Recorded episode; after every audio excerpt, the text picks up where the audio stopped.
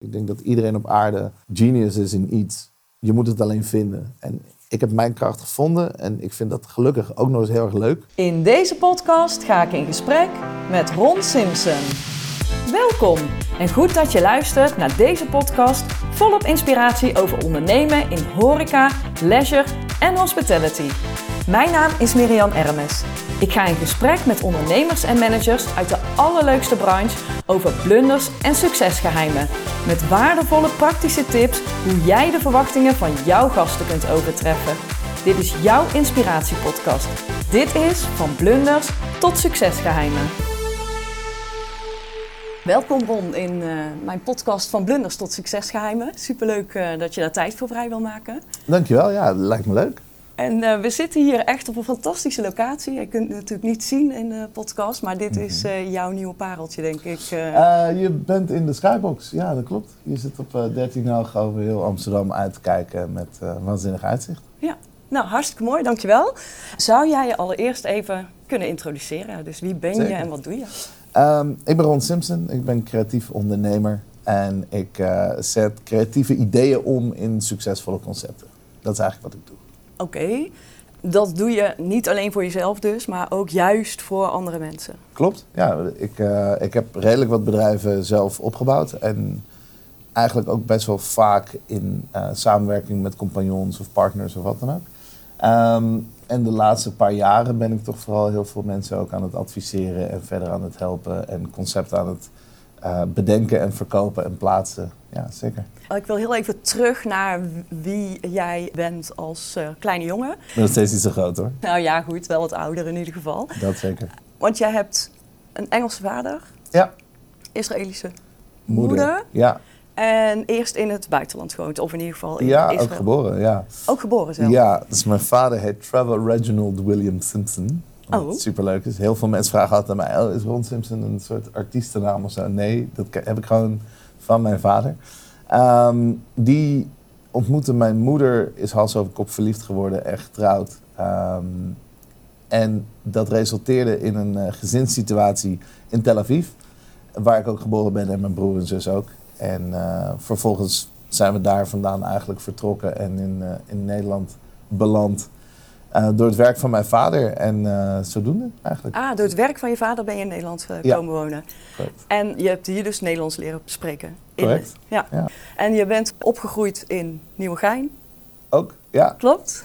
Heb je daar ook gestudeerd? Of, eh, Ik heb ook alles geleerd wat het te doet, denk ik. Maar verder, ehm, nee, ja, het is vrij bijzonder. Mijn vader Engels, mijn moeder Israëlisch. Dat betekent dat ik eh, zowel Engels als Hebreeuws als voertalen had in mijn jeugd. Ehm, toen we hier kwamen, kwam daar dan Nederlands bij. En door het schoolsysteem hier kwam daar later ook nog Frans en Duits en weet ik het wat allemaal bij. Dus het is best wel een talending en dat is heel raar bij ons thuis. Begint een gesprek ergens in een of andere taal en het eindigt in een andere. Dat is altijd zo. Ehm, dus dat was leuk. Het was wel een beetje raar om van ehm, het superzonnige, strandrijke Tel Aviv te belanden in het mega exotische, fantastische Nieuwegein.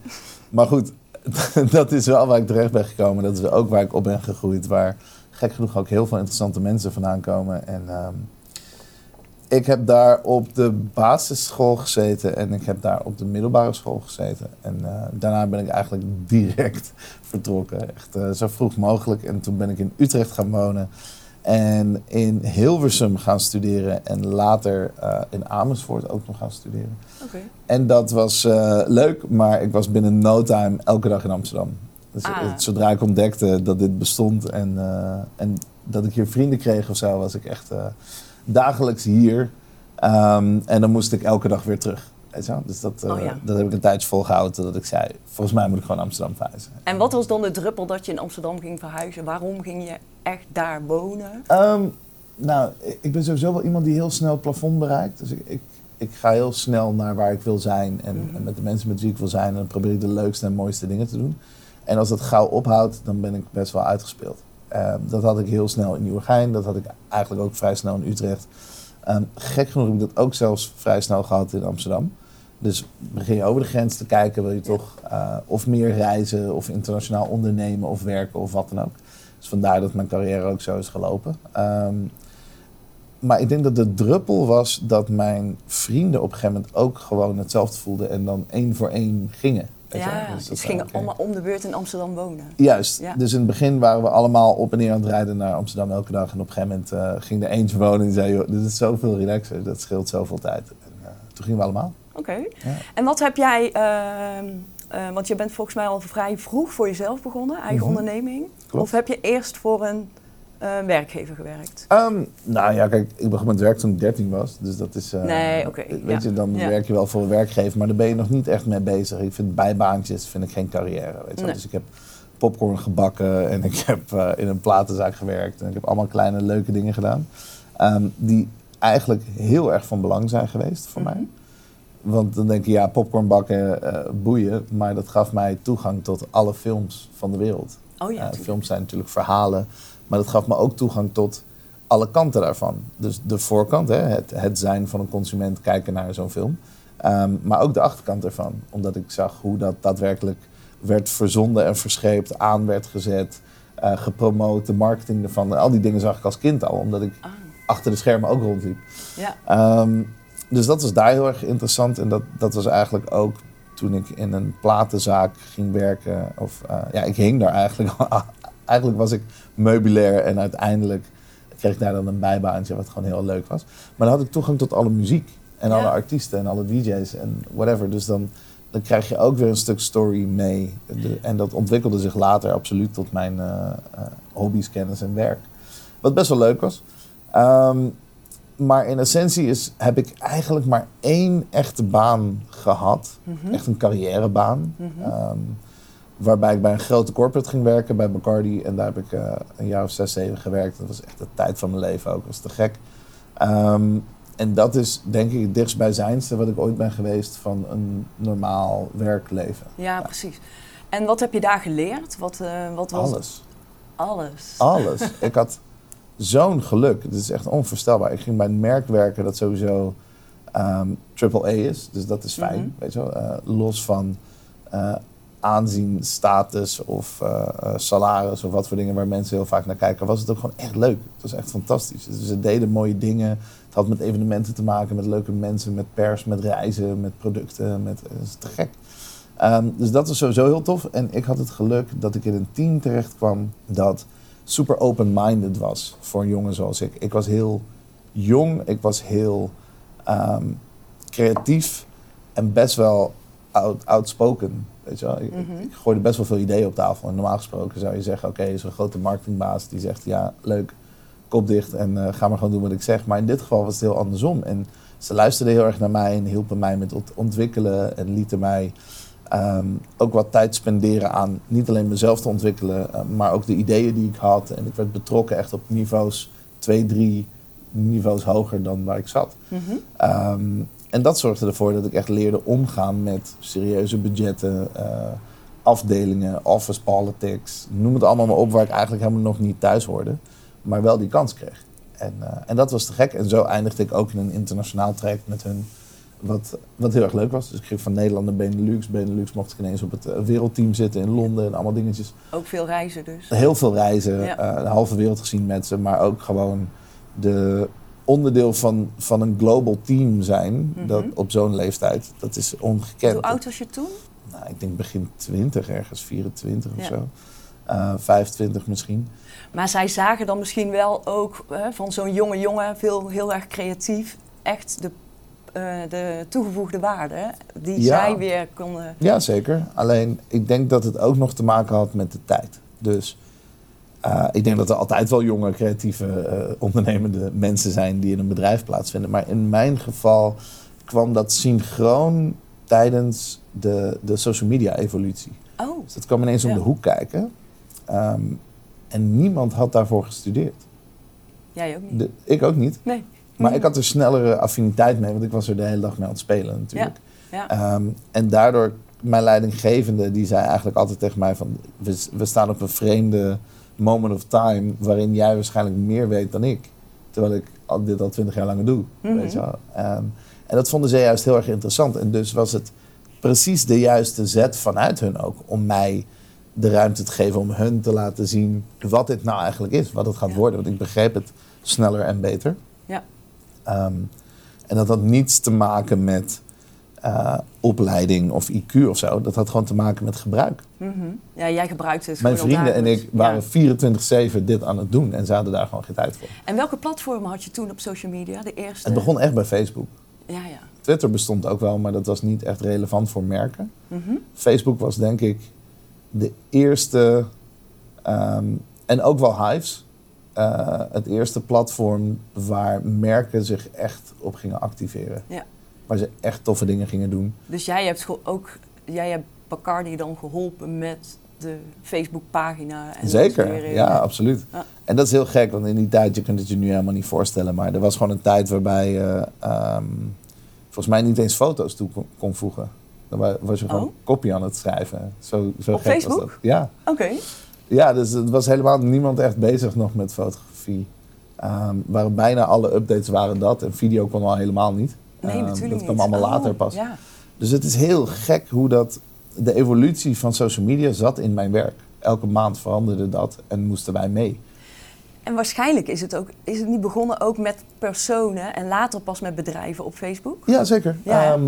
ja dus de, de opties van een brandpage of allerlei activaties en zo, dat was anders. En Hives, die was nog. Ten eerste was dat lokaal. Mhm. Dus die waren natuurlijk bereikbaarder. Daar konden we veel meer mee doen. En die, ehm, die dachten ook na. Die schreven ook code voor bedrijven. Dus als een bedrijf had bedacht... ik wil een activatie met video en personalization... en weet ik veel, direct mailing... Mhm. dan maakten ze dat. Oké. En dan, dan zo ontwikkelde dat, dat ding zich. Maar Facebook, dat was gewoon een global speler... waar dat helemaal, nou, Niet. niet helemaal niet gebeurde... maar gewoon lokaal op een ander vlak gebeurde en veel meer in de Am- eh, Amerikaanse markt gebeurde. Ehm, dus wij moesten eigenlijk kijken van oké, wat hebben ze nu uitgevonden en dan gaan we dat doen. Ja, precies. Terwijl bij Hives kon je nog kijken van oké, wat gaan we samen uitvinden. Dat Ja. is een ander verhaal.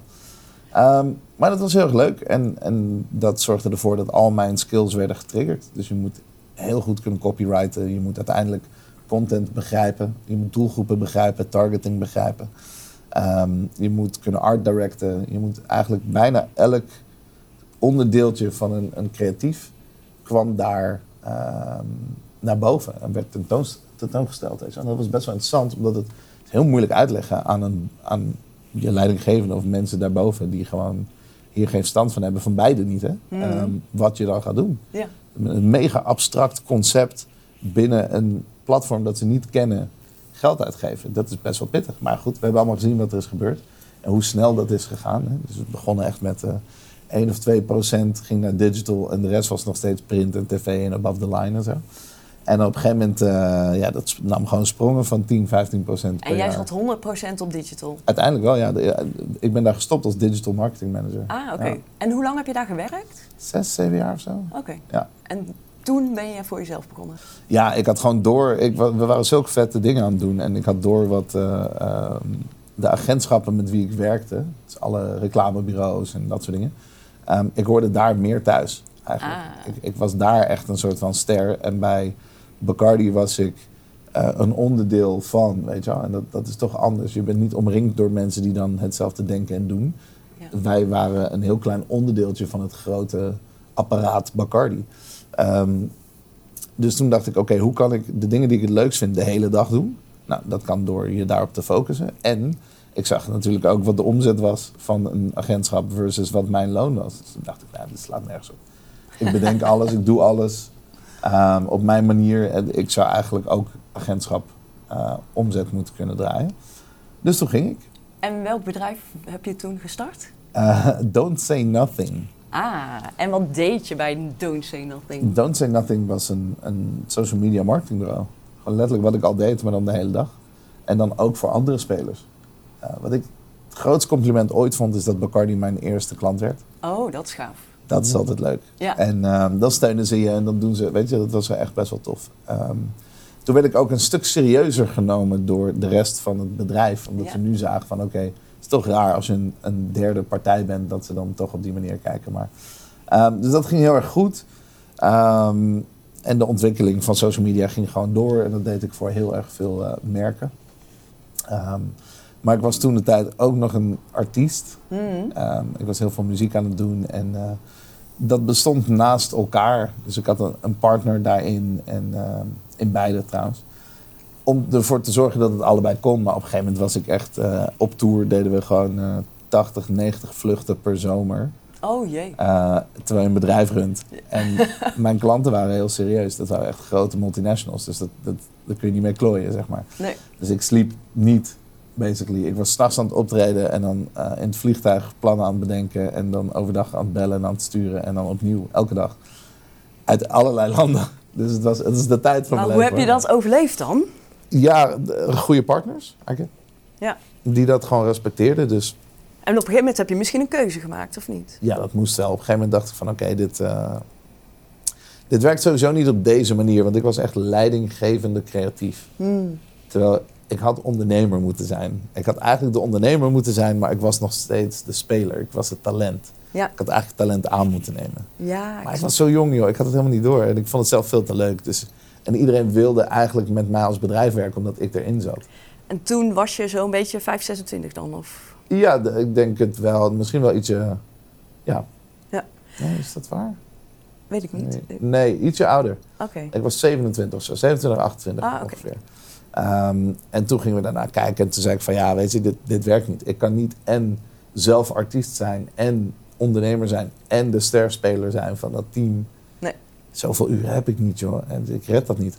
Ehm, en mijn partner die ik daar had, ehm, dat, was, dat was leuk voor, voor het niveau waar we op zaten. We groeiden tot een bepaald punt. Maar daarna werkte dat gewoon niet meer. Nee. Voor beide niet, denk ik.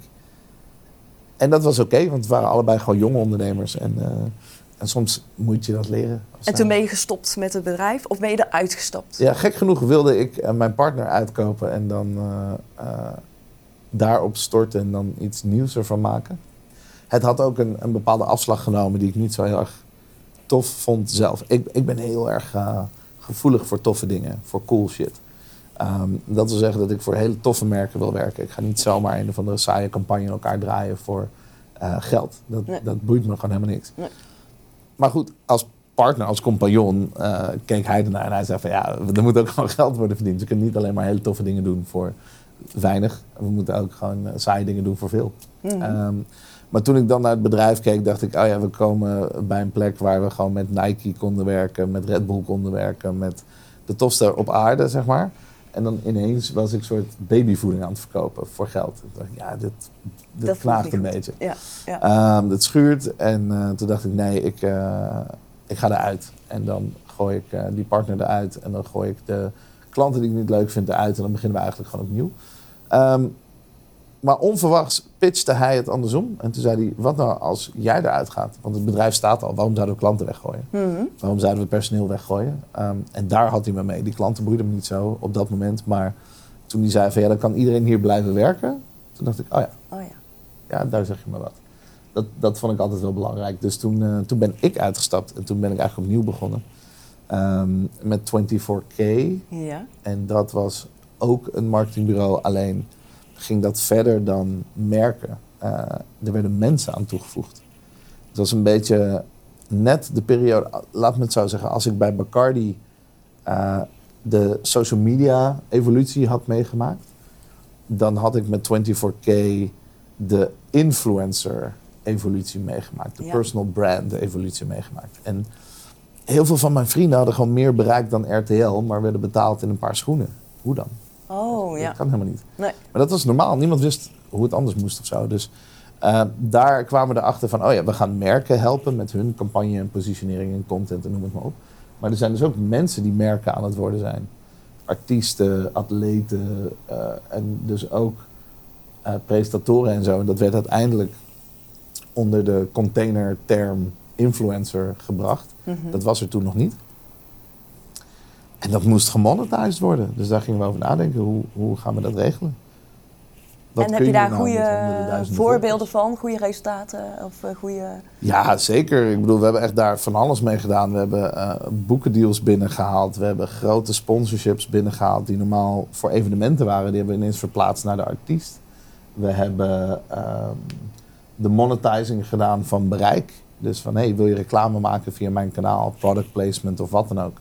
Dan moet je daar gewoon voor betalen. En daar gingen we zelf modellen voor Ja, verzinnen. je hebt er eigenlijk voor gezorgd dat zij gewoon krijgen wat ze verdienen. Ja, maar Ja. dat bestond gewoon Nee, niet. nee. Er was geen maatstaf voor, niemand wist hoe of wat je moest vragen en, en wat het allemaal kon. En niet te vergeten in het begin was echt niks meetbaar.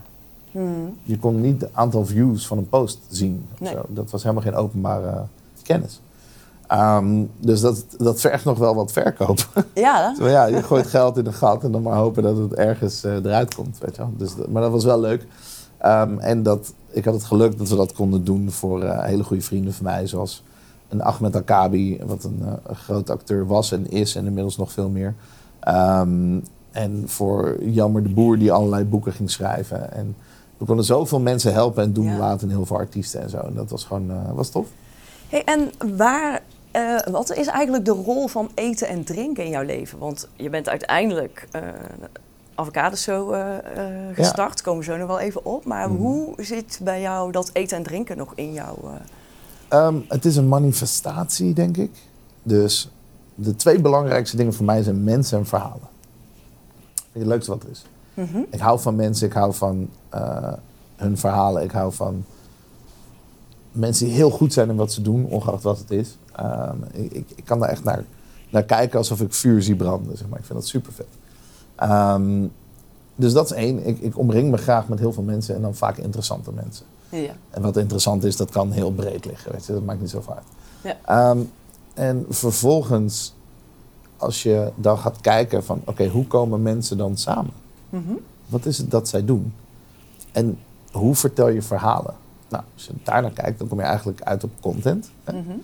Dus of je nou een boek maakt, een, een eh, film of een serie of een wat dan ook, of een keynote vertelt. Dat Ja. is allemaal hetzelfde. Dat is gewoon content maken Mhm. dat is grotendeels mijn werk geweest. Als je kijkt naar mensen bij elkaar, wat doen die dan? Nou, die gaan bijvoorbeeld dansen en feesten. Dat was mijn werk.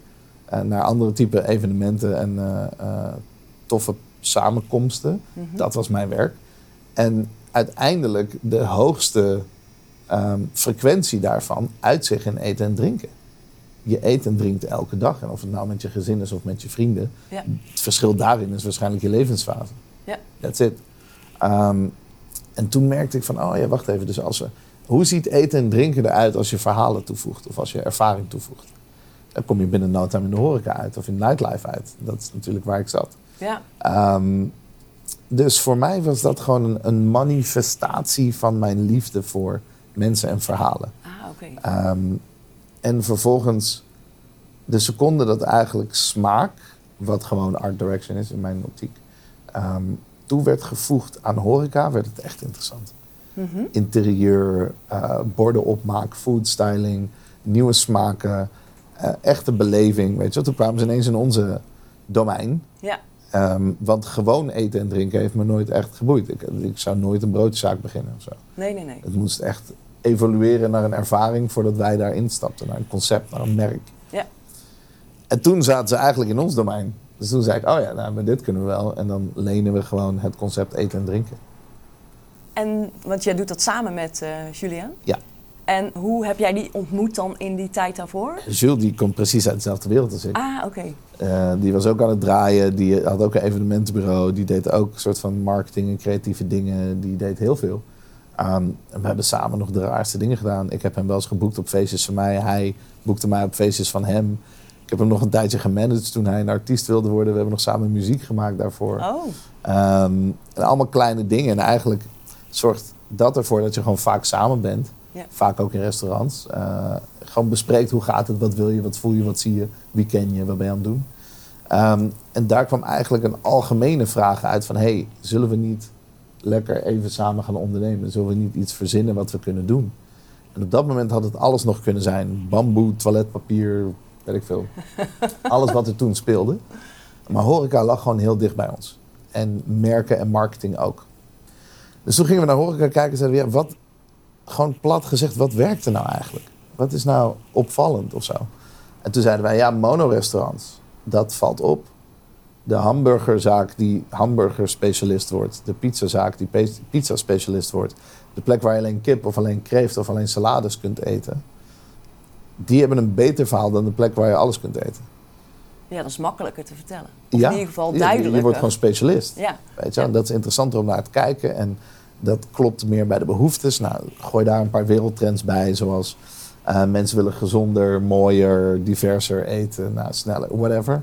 Dat bij elkaar opgeteld, dus een, een mono-restaurant op basis van trends, kwamen we uit bij, oké, maar met wat dan? Zeiden, ja, iets kleurrijks, iets gezonds, iets wat iedereen lekker vindt. Avocado's. Dat was het. Ging de- echt binnen no time was dat geregeld. ja, want ik las dat het in vijf dagen, Vijf tot een eh, concept kwam. Nou, sterker nog, meer dan een concept. Vijf dagen hadden we de sleutel van de locatie al. Oh, dat is wel heel vet. gestoord, Ja, eigenlijk. Ja.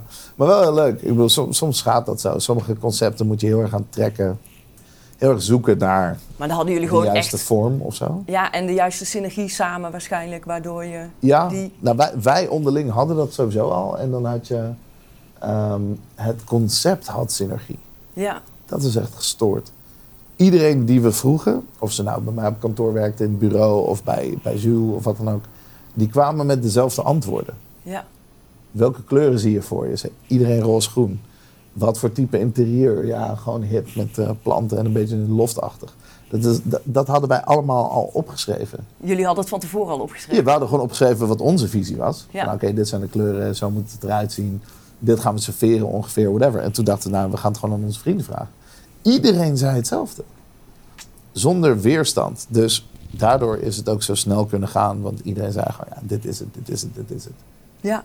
Dat is dat je een plaat hoort en je weet dat het een hit wordt. Je kan het niet uitleggen, maar het gaat.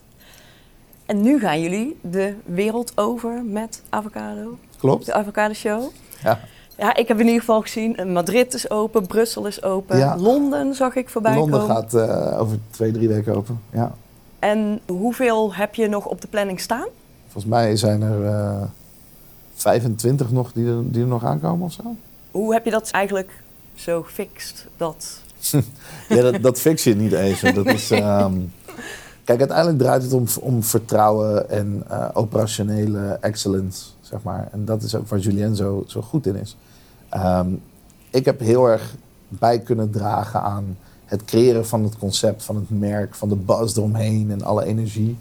Ehm, uiteraard ook gewoon samen met Julien. Alleen, ik denk dat ik daar een beetje leading in was. En als we nu kijken naar wat er nodig is, dus het echt uitbouwen van een bedrijf, van een team, van de operatie, van weet je wel, al die dingen, finance. Niet eh, jouw ding. Minder mijn ding. Ja. Ook ja. een beetje mijn ding, maar echt een stuk minder. Mm. Ehm, eigenlijk niet per se allebei ons ding. Maar Jules die, die dook daarin, die ging echt met een gestrekt been zichzelf opleiden. En heeft alles daarover geleerd wat hij kon in die periode van tijd. Is daar nog steeds mee bezig ook.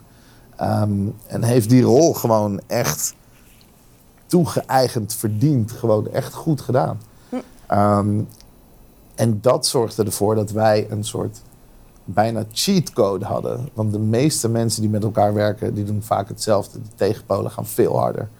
Ehm, en we begonnen eigenlijk een beetje gelijk qua type dingen die we deden. Oh, Ehm, maar doordat hij dus in dat gat sprong dat wij hadden, van dit moet operationeel ook bijzonder goed worden gedaan, ehm, ontstond er de, eigenlijk twee keer energie. Ik kon het merk gaan doen, ik kon de media in, ik kon zorgen dat we overal aandacht kregen. En hij zorgde dat alles aan de achterkant potdicht zat en gewoon goed werkte. En de teams werden gebouwd en noem het maar op. En nu we ietsje verder zijn, merk je dat zonder die fundering waren we nergens gekomen. Dat zijn stuk wordt steeds groter en groter. Ehm, terwijl eigenlijk de aandacht, de gratis aandacht of de krantenaandacht, zeg maar, voor een vier of vijf jaar oud project natuurlijk steeds minder wordt. Ja. Ehm, dus wij moeten onszelf opnieuw uitvinden of een nieuwe markt te doen of nieuwe producten maken. En dat gaat prima. ja. Ehm, en dan scoren we weer aandacht of, of eh, een nieuwe groep mensen die, die oplet. Ehm, maar dat kan totaal niet zonder wat hij doet. Nee, precies. Maar het is eigenlijk nu zaak dat je ook relevant blijft voor de media, zeg maar. En nou ja, kijk, aandacht te... het gekke is natuurlijk dat wij gewoon eh, dezelfde avonturen op een andere manier opnieuw gaan beleven. Dus Ja. we gaan een nieuwe markt in. Ja. Wij zien het vanuit hier omdat alles hier is begonnen. Maar in Londen of zo komen we net om de hoek. Kom je net In kijken? Parijs zijn we voor het eerst. Londen hadden we nog een pop-up. Maar, dus dat is eigenlijk op een nieuwe manier die markt betreden. Waardoor je wel nog aandacht krijgt en, en heel erg interessant bent. Alleen voor ons vanuit het moedermerk willen we ons ook blijven vernieuwen. Ja. Als je dan eh, een beetje in de toekomst kijkt, waar zie jij eh, de Avocado Show over vijf, tien jaar? Over vijf of tien jaar zijn wij op elk continent. Ehm, zijn wij uitzonderlijk goed gebleven, want ik vind dat we het al zijn, in de hele food experience rondom avocado's. Mhm. Ehm, en zijn wij ook een rol gaan spelen in ehm, convenience en toegankelijkheid van pretty healthy food. Van gewoon gezond en mooi eten als maatstaf. Ja. Dus wij ontwikkelen ook een, eh, een to-go formule die veel vaker bezocht gaat worden door dezelfde persoon dan de ervaringsformule van een totaal restaurant. Zeg maar. Dat is echt een beleving. Ja. Ehm, en daar kom je ook wel terug, maar we hebben het echt over plekken waar je elke week een broodje haalt. Of waar je dagelijks je eten haalt als je ergens werkt. Weet je, wel, dat is een ander spel. Mhm. Ehm, daar willen wij ook onderdeel van worden. Dus dat ga je de komende Met jaren echt wel zien. Ja, dat hebben we al.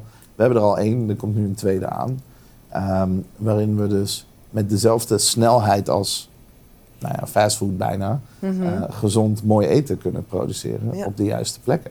Dat is waar de wereld naartoe gaat. We willen gezonder eten, we willen mooier eten, we willen kleurrijker eten, we willen verser eten. Nou, dat, dat is Ja. precies wie wij zijn. Ja, dus die eh, avocado-trend, die gaat ook nog wel even door. Hè?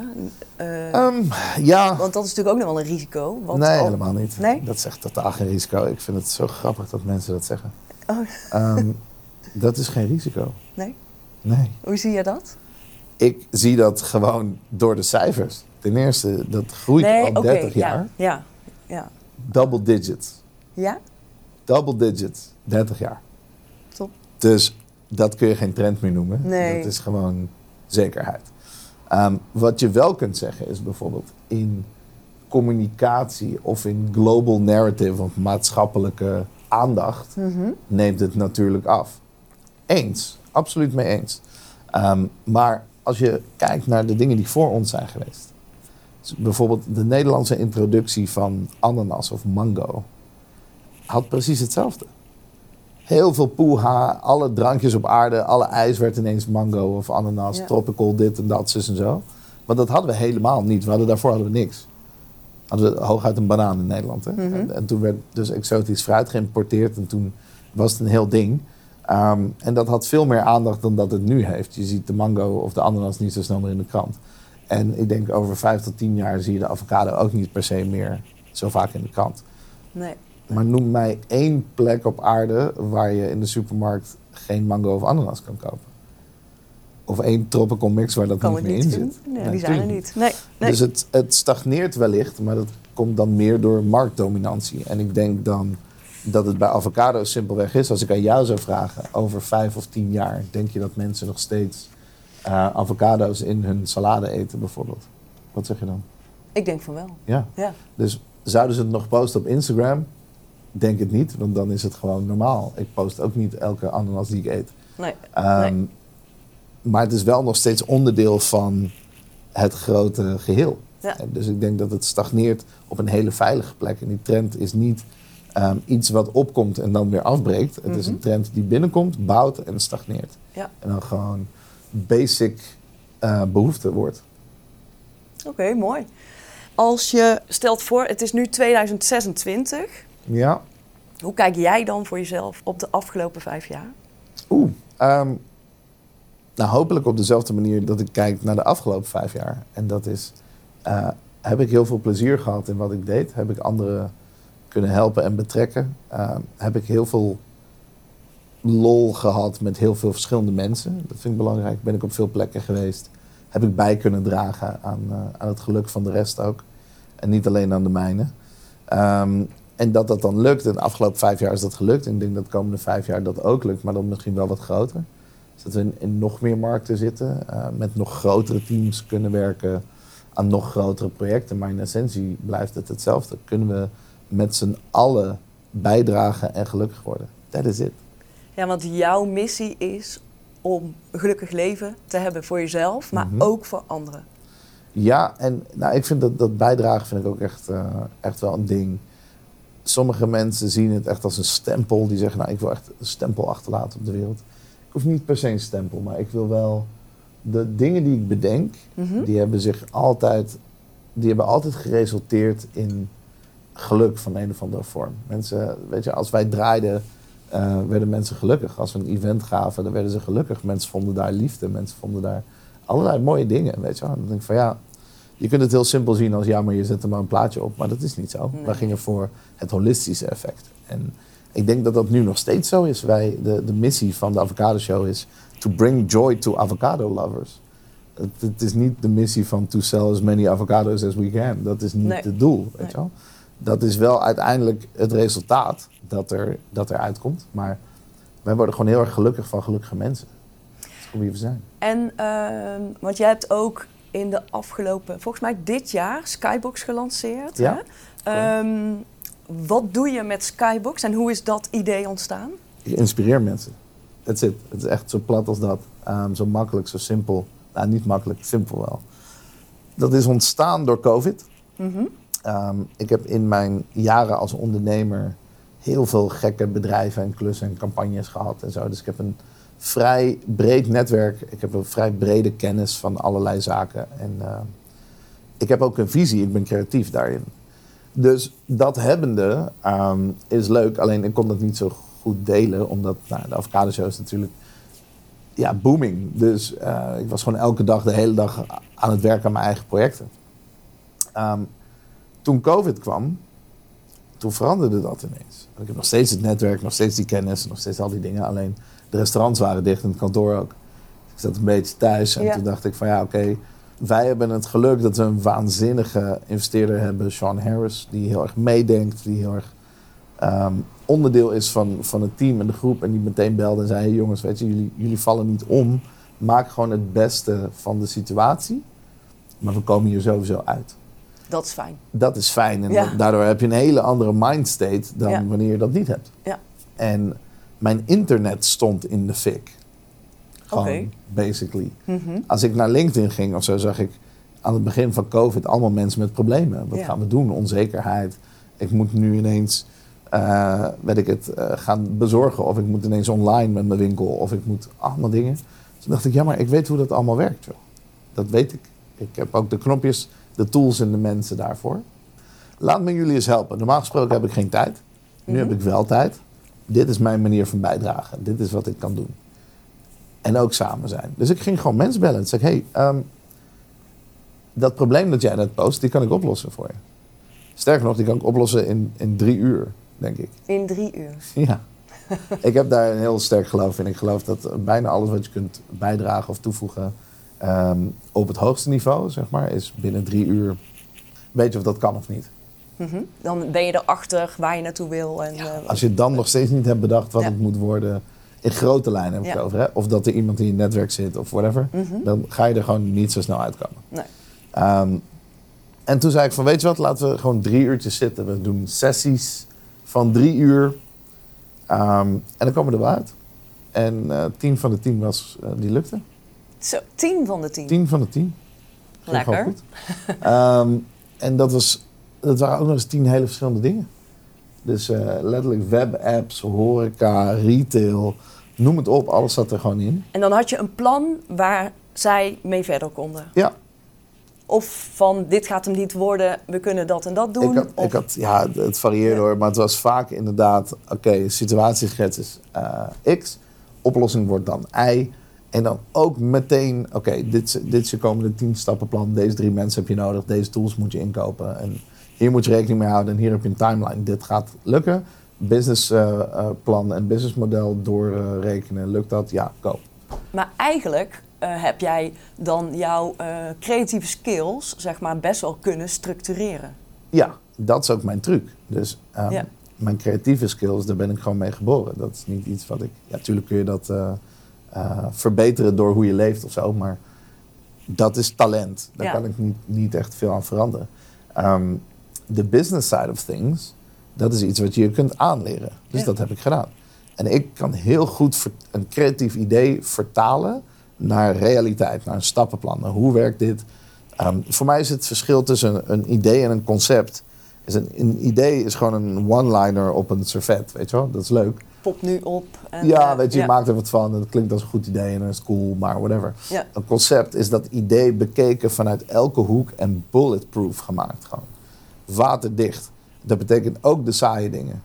Ook de, de eh, doorberekeningen, ook de marktonderzoeken, ook de, de- alles En wat niet doe je dat is. zelf? Of heb je daar dan weer mensen voor nodig die je met elkaar... Die dat, Afhankelijk van de grootte van het idee. maar in die drie uur kan je... In die drie uur, ik heb genoeg kennis van elk aspect van een bedrijf om te weten of iets wel of niet goed is en of ik wel of niet iemand ken die jou kan helpen. Ah, oké. Oh, dus, Dus- je verbindt ook mensen weer met anderen. ja, Ja, ja. absoluut. En we kunnen dat ook red flaggen. Ik bedoel, als het een echt ingewikkeld marktonderzoek is of een serieus ehm, moeilijke eh, businessformule of doorberekening, dan flag ik dat gewoon. Dan zeg ik, nou, in grote lijnen denk ik dat we gelijk hebben, maar hier moet echt een financieel expert naar kijken. Ja, ja. Jij en ik gaan hier niet uitkomen. Which is fine. Ja. Alleen wat ik wel kan zeggen is of ik vanuit mijn per- eh, perspectief überhaupt erin geloof Ja, dat het precies. haalbaar is. Ik kan misschien niet bewijzen, maar gut feeling en, en ervaring tellen ook. ja, Dus zodoende gaan we eigenlijk door een hele schijf heen van wat een idee of een concept inhoudt. ja. Want je hebt dat toen, die tien keer heb je ze gratis gedaan, denk ik, hè? Zeker. Ja. En nu heb je er je bedrijf van gemaakt. Ja, eigenlijk was het was ook helemaal niet de bedoeling om er een bedrijf van te maken. Die team die deden we tijdens de eerste lockdown. Maar daarna ging de wereld weer open. Ja. Dus toen dachten wij allemaal, oké, cool. Ik duik nu gewoon mijn werk eh, weer terug in en eh, we zijn klaar. Uh, maar toen ging de wereld weer dicht. Oh ja, tuurlijk. En toen was het ineens, oké, toen waren het er niet tien, maar toen stonden er honderd man voor de deur. Ja, dat kan je niet meer gratis doen. Dat kan je niet meer gratis Nee. doen. En dat heeft ook volgens mij zes, zeven maanden geduurd of zo. Dat kan je niet. Dat Nee, kan niet. nee, nee. Ze hebben gezegd van nou oké, ehm, ik maak er een formule van. Binnen drie uur krijg je dit en dit en dit. Ehm, het was zelfs een soort van no cure no pay eh, verhaal eigenlijk. Ehm, maar ook daar 100% op gescoord. En je hebt dan ook heel duidelijk, dit is het eh, budget wat je nodig hebt voor die drie uur. En het is Ja, gewoon vaste, prijs, vaste plek, vaste Altijd tijd. hier. Altijd hier. Ja. Ja. ja. want anders moet je weer naar de mensen toe en dan heb je weer andere... Ja, je moet het haalbaar maken. Precies, weet ja, je wel? En ja. eh, you win some, you lose some. En in die zin bedoel ik, soms kostte het me veel meer dan eh, dat het opleverde. En Ja. dat is oké. hè? Ja. Dus dan, dan eh, heb je echt bijna tien favors moeten callen, eh, je hele netwerk in moeten zetten, whatever. Ehm, om die persoon te helpen. Bij de ander, ik heb ook wel een sessie gehad, eh, een man betaalde voor drie uur. Hij is er een kwartier geweest. Hij Oh? liep naar binnen, ik had de oplossing binnen 10 minuten. Binnen 5 minuten schetste ik uit hoe hij het moest doen. Zei hij, je hebt helemaal gelijk. En dan liep de deur uit. Oh, Dat was het. Je koopt geen tijd, je koopt Nee. oplossingen. Ja. Weet je wel? En dat is gewoon heel erg iets dat we sowieso als, als eh, maatschappij moeten gaan leren. Van, ja. Je betaalt uren. een specialist niet Ja. voor zijn uur. Je Precies. betaalt hem voor wat hij kan. Ja, ja. Weet je wel? En, en En dat- wat jij er dan weer, wat het jou weer verder brengt. Exact. Ja. Je? Als jij het op kan lossen in één minuut, doe het. Ja, als het voor jou toevoegt. Liever dat dan Ja. in een week eigenlijk, toch? Ja, en zeker. betaal je wel hetzelfde, maar mij niet uit. Ja. Dus dat is bij mij ook heel erg. Dus ik, ik hing gewoon een bepaalde waarde aan een oplossing en hoe ver je daarmee kon komen. En ik wilde ook dat het een drempel had. Mhm. Ik ben er niet om random problemen op te lossen. Ik ben er om serieuze ondernemers Ja. en professionals verder te helpen. Dus ze moeten echt zo- willen. En, eh, Ja, weet je, als je dat te goedkoop maakt, dan krijgt gewoon iedereen over de vloer die ooit een keer met je heeft willen sparren. Ja, ja, dat, dat nee, is dat wil je ook niet. Nee. Dus er moest wel, eh, weet je, de- dus dat zat er gewoon tussenin en dat werkte heel goed. Ehm, dat ging ook heel goed. Toen hebben we echt letterlijk 100 sessies gedaan. Zo. Ehm, en ondertussen merkte ik van, hé, wacht even. Er zijn ook andere experts en expertises nodig om dingen te kunnen doen. Je kunt een horeca-expert willen, een mindset-expert willen, een stress-expert, een, een leiderschap-expert, een, eh, noem het maar op. En dat breng je samen in. Skybox. Ja, Ja. dus die- dat waren eigenlijk al mensen in mijn kring. En toen zeiden we van, nou ja, waarom zou je alleen met mij kunnen zitten? Je kunt toch ook met de rest zitten dan? Ja. Dat werd Skybox. En dat was eigenlijk gericht op professionals. Dus op, op een persoon die dan belt en zegt, nou, ik wil liever met die zitten of met jou of met whatever. Ehm, en inmiddels is Skybox eigenlijk uitgegroeid tot een B2B-model, waarin we veel meer mensen kunnen helpen eigenlijk. Oké. Ehm, en 100% op inspiratie. Dus door de lockdown zat hij echt op proble- problem solving. Oh ja. Maar wij merkten eigenlijk van ja, de inspiratie is veel leuker. Leuker, en, ja. en, weet je, Ja. een positiever ding. Ehm, en dus zijn we alle toffe, inspirerende mensen en verhalen gaan zoeken in dit land. Ehm, en die hebben we bij elkaar gebundeld. En we hebben ook super vette locaties gezocht door het land, maar ook door Europa heen. Die hebben we gevonden bij de Student Hotel. Ehm, in zoveel toffe plekken en steden. Eh, en dat aan elkaar gebundeld eigenlijk. Dus jij zegt van hé, hey, ik wil geïnspireerd worden in het vak, weet ik veel, eh, le- leiderschap, high performance of sales. Dat kan. Of juist de creatieve kant. Marketing, branding, concepting. Of personal development, eh, mindset, eh, leren presenteren. Allemaal van dat Ja. soort dingen. Ehm, als bedrijf en als groep. Ja. En toen werd het ineens interessant, want dan kan het voor veel minder geld per persoon. Maar dus met grotere groepen, waardoor je eigenlijk zowel de spreker als de locatie, als iedereen gewoon kon betalen. Ehm, en als iets, iets waanzinnigs neer kon zetten. Zeg maar. Ja. Dat werkt nu heel goed. Dus we verkopen Inspiration Days. En dat, eh, dat houdt simpelweg in. Jij hebt een groep en dat kan intern zijn, dus je, je personeel of je team of je afdeling. Maar dat kan ook zijn eh, je klantenbestand of je potentiële klanten of een community of zo. Ehm, en daar wil je een inspirerende, leuke dag voor creëren. En dat doen wij dus turnkey. Hm. Dus we cureren het talent, we vinden de topics, een toffe locatie, we regelen de lunch en de borrel en noem het allemaal maar op. Ehm, dus als je geïnspireerd wil worden en je zegt drie keer ja aan de telefoon, dan ben je klaar. Dan ben je klaar. Ja. Tof, mooi. Je hebt zoveel gedaan. Je hebt eh, van eh, artiest tot eh, horeca, skybox. eh. Waar ben je nou het meest trots op? dat ik kan doen wat ik bedenk. Dat ik gevonden heb waar ik in mijn kracht sta, wat mijn, mijn, ik noem het altijd genius, wat mijn genius is. Ik denk dat iedereen op aarde genius is in iets. Je moet het alleen vinden. En ik heb mijn kracht gevonden en ik vind dat gelukkig ook nog eens heel erg leuk. Ehm, en sociaal, dus dat- zijn ook dingen die ik belangrijk vind. En dat ik dan kan opstaan en een idee kan bedenken. En vervolgens ook weet waar en met wie dat moet. En ik het dan kan bouwen, daar ben ik het meest trots op. Ja. En dat kan morgen nog een keer. Zeker. En wanneer vind je jezelf succesvol? Mhm. En wat is dan je succesgeheim? Nou, succes is best een belangrijk iets. ehm, want je moet kunnen vieren, je moet voldoening vinden, je moet trots kunnen zijn. Je hebt een doel nodig dat groter is dan jezelf, of zelfs groter is dan je team, of groter dan je bedrijf, of groter dan het haalbare überhaupt. Mhm. Ehm, als je dat soort dingen leert, dat moest ik ook leren, ehm, dat motiveert op hele nieuwe niveaus. Het is een different ballgame, zeg maar. Dat vond ik heel erg interessant. Dus succes voor mij is eerst definiëren wat dat is. Ja. What does it mean? Weet je Want ik kan je echt vertellen, voor zeker de helft van de wereld is, is geld geen succes. Echt niet. Nee. Voor de andere helft wel, dus die begrijpen vaak ook niet waarom je zoiets kan zeggen. Maar het is echt geen... Als je op een gegeven moment comfortabel bent, dan maakt het daarna echt niet meer uit, joh. Nee. Ehm, en dan wil je hele andere dingen bereiken. En dan kun je zakken met geld verdienen. Ik ken mensen die dat doen en die, die zijn gewoon nog steeds niet gelukkig. Maar laat ze één keer een, eh, een andere persoon helpen en dan bloeien ze helemaal op. Er zijn zoveel manieren van beloond worden. En wat is dan voor jou succesvol zijn? En voor mij is het toch wel echt belangrijk. Ik vind het heel erg leuk ehm, als, als andere mensen geluk vinden in wat ik doe.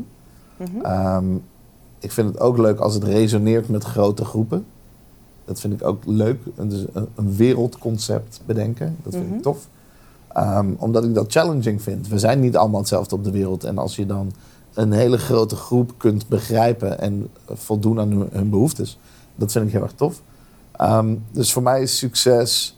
eh, kan het uitgevoerd worden zoals je het bedenkt, met zo min mogelijk water bij de wijn?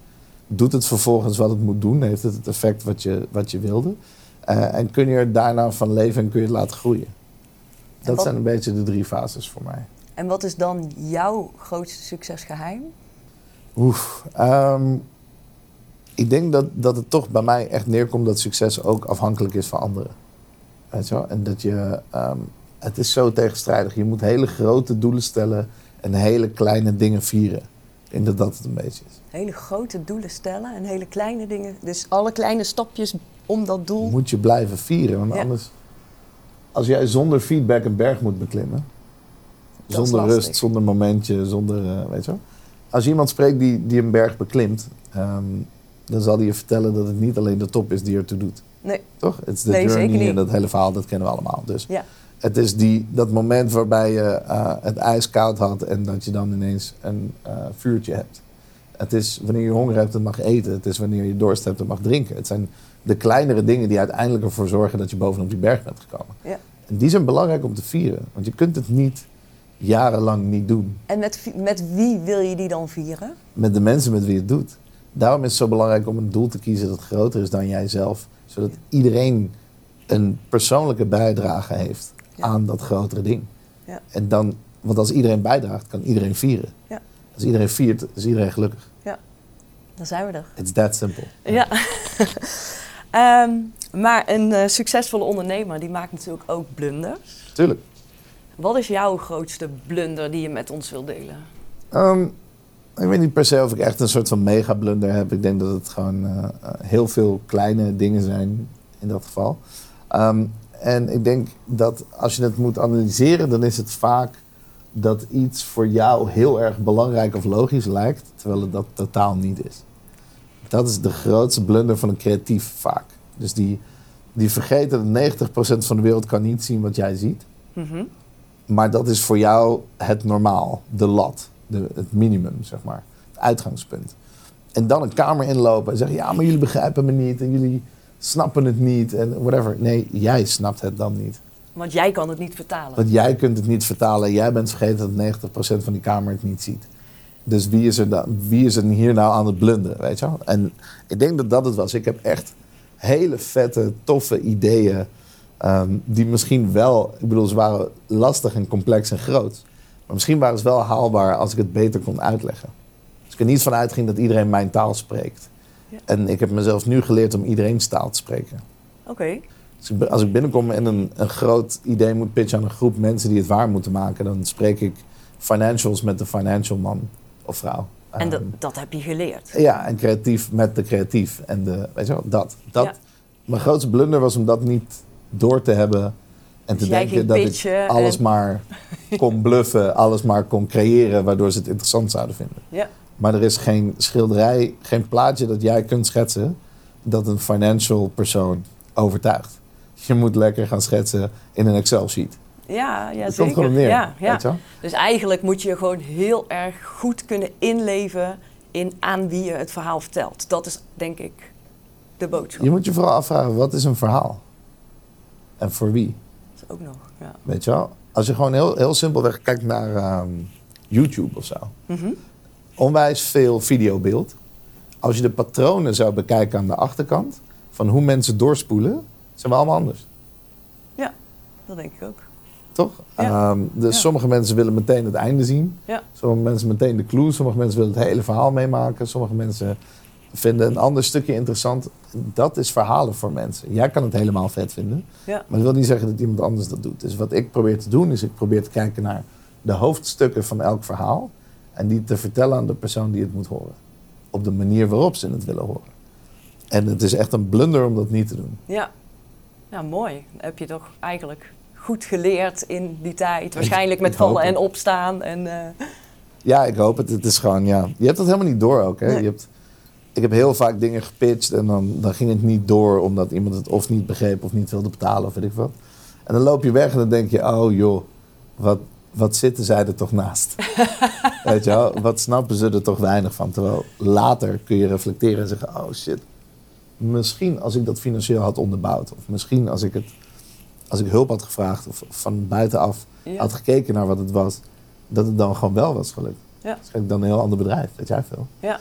Dus dat, dat is best wel een interessant ding. Dus ik, ik denk heel vaak ehm, dat het, het soort van het blunderen is niet doorhebben dat jij degene bent die de fout maakt. ja, dus echt dat leren reflecteren. En dat is wel echt... eh, Ja, ja. en dan moet je erg voor openstaan. ja, zeker. Want dat doet je ego een Niet beetje iedereen... pijn. Ja, ik wou zeggen, ja, soms... eh, Ja, maar dat is goed hoor. Dat, daar groei je wel van. Ik heb, dat, ik heb ook echt een paar klappen moeten vangen. Waaronder ook van Julienne zo. Die echt zei van, joh, je kan wel de, de gekste, lijpste dingen blijven verzinnen.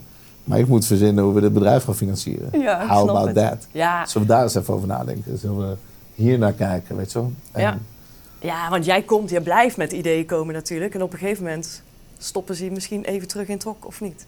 Nou, niet Van- per se terug in het hok. Alleen, Van- dat doe je bijna zelf. Ja, Snap je? Dus als jij elke keer een show moet eh, doen, maar niemand klapt...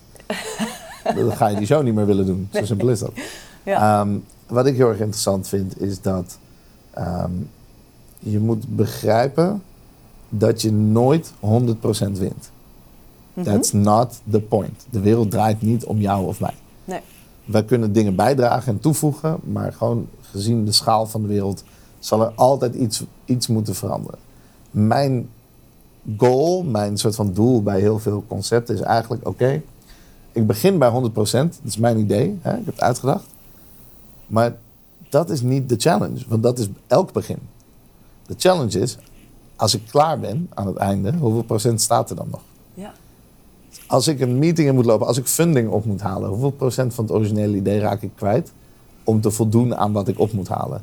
Hoeveel eh, originele percentage raak ik kwijt als ik finance of HR of weet ik veel wie allemaal spreek of een kleiner budget heb? Ja. Dus het kan niet meer in de Malediven, maar nu moet het in Amsterdam. Oké, Maar, kan dan nog steeds wel- hetzelfde idee zijn, hè? Ja. maar je raakt wel 10% kwijt. maar je moet wel, het moet wel even sterk blijven dan je oorspronkelijke idee. Of het moet Zeker. beter worden. Maar dat is dus het ding. Je moet dus begrijpen waar die grens ligt. Ja. Snap je wat ik bedoel? En Ja. er is niet voor niets een 1 tot 10 maatstaf op de wereld. Dus voor mij is het eigenlijk simpel. Ik wil niet meer dan 25% kwijtraken van wat ik doe. Van je originele Ja, idee. alles wat ik doe moet boven een 7,5 scoren. Het liefst eigenlijk boven een 8. Ja. Heel eerlijk zijn, laten we het 80-20 noemen. Ja. Mag 20% vanaf. Ja. Ik ga niet meer een kamer in met de eh, domme gedachte dat ik met 100% naar buiten loop. Nee, dan valt het ook altijd tegen voor jezelf. Want dat gaat niet gebeuren. Het gaat Ja. gewoon niet gebeuren. Nee. Ehm, en dan kan je standvastig in zijn en whatever. En soms heb je gelijk. Hè. Bij sommige dingen moet je echt maar 2% afwijken. Mhm. Maar als het heel groot is, je hebt heel veel hulp en heel veel aandacht en heel veel geld nodig. Trust me, dat kost procenten. En dat is oké. Ja. Alleen vroeger dacht ik, ik ga met 100 naar binnen en ik ga met 100 naar buiten. En als dat niet zo is gelukt, heb ik gefaald. Nu heb ik mijn doelen leren bijstellen van oké, ik ga met 100% naar binnen. En ik ga proberen met 95% naar buiten te komen gefinancierd. En we niet over aandelen in je bedrijf, maar gewoon het originele concept. Hoe dicht bij je genius blijft dat? Ja.